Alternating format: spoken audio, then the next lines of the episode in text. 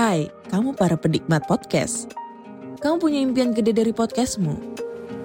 Terus First Story bisa banget bantu kamu. Mulai dari F-Link, Dynamic Audio Insertion, sampai statistik yang komprehensif. Semua ada di First Story.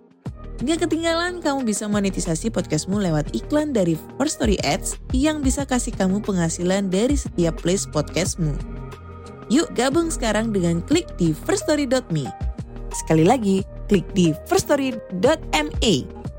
Mari kita bawa mimpi podcastingmu menjadi kenyataan.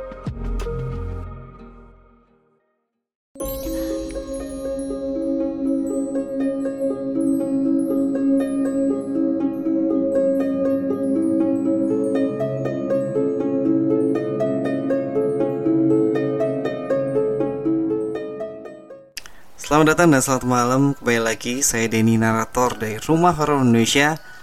Menjumpai kalian kembali untuk membacakan sebuah cerita horor di malam hari ini Tentunya untuk menghibur kalian semua. Dan kisah kali ini saya ambil dari karangan Ade Nasiudin Dengan akun IG Ade Nuansa, Wattpad Ade Nuansa, Kaskus juga Ade Nuansa Dan cerita kita kali ini berjudul Arboretum Arboretum sendiri adalah kumpulan pohon atau tanaman yang sengaja ditanam untuk keperluan penelitian atau pendidikan. Begini cerita lengkapnya. Di sudut kerumunan mahasiswa baru itu aku terduduk. Aku adalah salah satu dari mereka. Namun bedanya, mereka adalah para pembicara yang begitu semangat menumpahkan isi kepala mereka. Sedang aku hanyalah pendengar setia. Bagaimana tidak? Seharian ini kami dikembleng habis-habisan akan menjadi mahasiswa yang baik. Energiku rasanya sudah di ujung ekor. Tapi heran, kenapa mereka masih saja memiliki semangat yang menggebu-gebu. Tak lain dan tak bukan.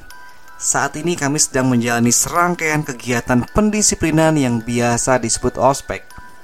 Mau tak mau harus dijalani sampai tuntas. Jika tidak, kami tak tahu apa yang akan terjadi selanjutnya. Sialnya, rangkaian kegiatan ospek ini selalu menyita waktu dan tenaga, apalagi jika ditambah dengan rapat angkatan seperti saat ini. Bla bla bla. Entah apa yang mereka bicarakan, yang pasti saat ini aku ingin segera pulang. Semakin detik, langit semakin gelap. Suasana kampus berangsur-angsur sepi. Oke guys, kayaknya cukup sampai di sini dulu pembicaraannya. Udah malam juga sih. Semangat! Ujar dia yang belum kukenal. Pokoknya dia adalah salah satu orang yang dipercaya angkatan. Akhirnya aku bisa pulang. Rasanya badanku sudah sangat merindukan kasur. Kulihat jam di tangan ternyata jarumnya menunjuk pukul 22.30. Aku bergegas mengambil sepeda motorku, memakai helm dan tancap gas. Sialnya ternyata gerbang utama atau biasa disebut gerbang lama atau gerlam sedang direnovasi sehingga tidak dapat dilalui kendaraan terpaksa aku harus menggunakan jalan yang lain. Universitas ini memang memiliki tiga gerbang yaitu Gerlam, Gerbang Baru, dan Gerbang Arboretum. Gerbang Baru adalah gerbang yang baru dibangun tapi jaraknya sangat jauh dari Gerlam, seperti dari ujung ke ujung. Sedang gerbang Arboretum adalah gerbang yang dekat dengan danau milik universitas atau biasa disebut Arboretum. Gerbang ini biasa dibuka hanya pada akhir pekan.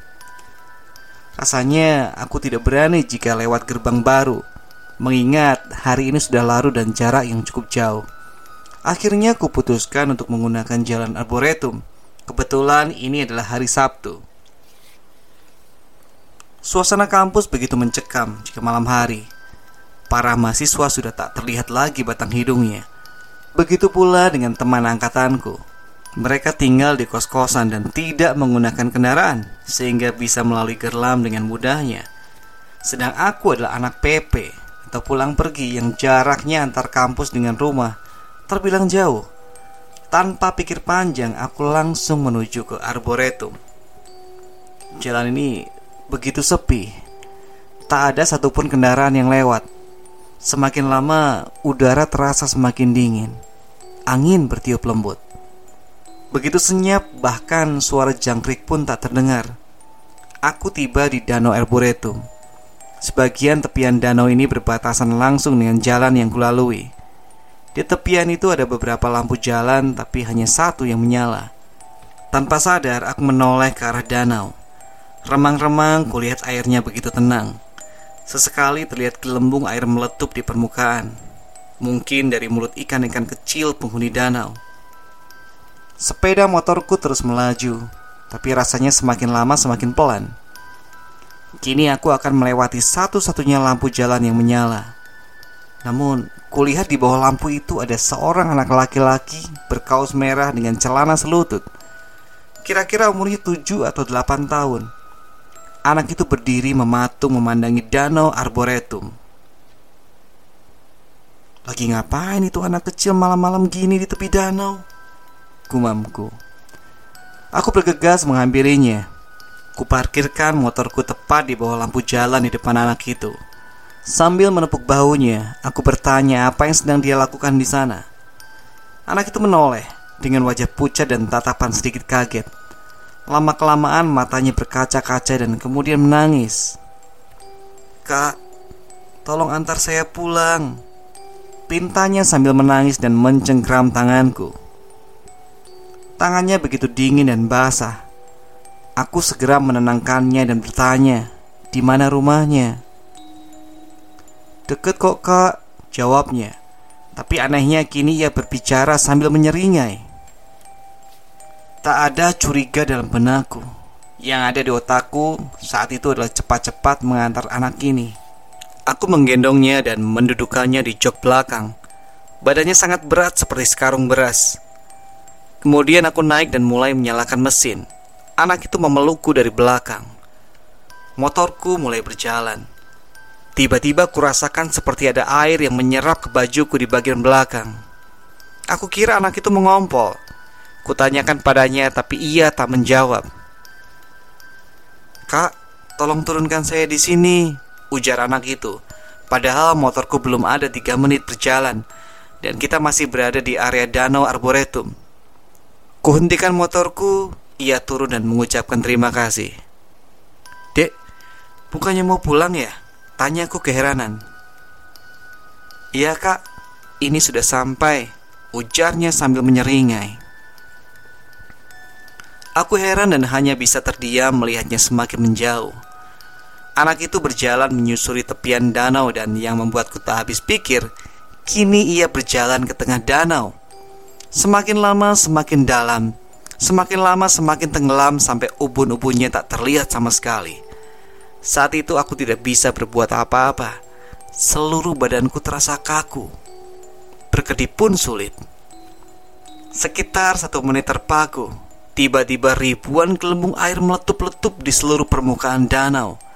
Aku terperanjat berlari meninggalkan motorku. Berlari tak tentu arah dan tiba-tiba tanpa ku sadari aku tercebur ke danau itu. Sebetulnya aku bisa berenang, tapi tak tahu kenapa saat itu rasanya aku kehilangan segala kemampuanku. Sesekali aku tenggelam dan merasakan dasar danau yang penuh dengan ranting tajam. Air danau begitu gelap dan bau darah. Aku sadar bahwa saat ini aku berada di tengah danau. Aku mulai bisa mengendalikan diri. Mencoba tenang dan keadaan pun kembali sunyi. Tiba-tiba aku merasakan ada sesuatu yang muncul dari dalam air tepat di depan wajahku muncul sesosok mayat anak laki-laki berkaos merah dengan sebagian kulit terkelupas dan keriput seperti telah berhari-hari tenggelam. Salah satu matanya hilang. Dari lubang matanya yang hilang itu keluar ikan-ikan sejenis lele berukuran sedang. Sontak aku berenang ke tepi danau dengan panik. Rasanya tepian danau semakin menjauh saja. Nafasku mulai habis dan akhirnya aku tak sadarkan diri. Samar-samar aku mendengar suara azan. Kubuka mataku dan terperanjat. Aku sadar, kini aku terbaring di tepi danau di atas lumpur dan rerumputan dalam keadaan basah kuyup. Dari kejauhan aku melihat sesuatu yang mengambang. Aku yakin itu mayat. Tak membuang waktu lagi, aku langsung berlari mencari pertolongan. Sekitar pukul 6, mayat itu mulai bisa dievakuasi. Seketika di danau arboretum dipenuhi orang. Di antara kerumunan itu aku melihat seorang ibu yang menangis histeris. Mungkin itu ibu dari mayat yang kutemukan. Tak lama polisi menghampiriku dan meminta kesaksian. Aku tak menceritakan hal mengerikan yang kualami. Aku hanya bersaksi mengenai hal-hal yang masuk akal. Setelah memberi kesaksian, aku diperbolehkan pulang. Siangnya, informasi ini sudah dimuat di media. Polisi menyimpulkan bahwa kejadian ini murni kecelakaan. Si anak yang hilang sejak lima hari lalu memang sempat bermain di arboretum. Diduga ceroboh anak itu tercebur dan kakinya tersangkut pada ranting-ranting di dasar danau sehingga ia tewas tanpa ada orang yang mengetahui. Setelah kejadian itu, aku tak berani lagi melewati jalan danau arboretum. Bahkan setiap rapat angkatan, aku selalu meminta izin untuk pulang duluan karena aku tidak tahu ada apa di balik larutnya malam. Oke teman-teman itu cerita kita buat malam hari ini. Semoga kalian terhibur.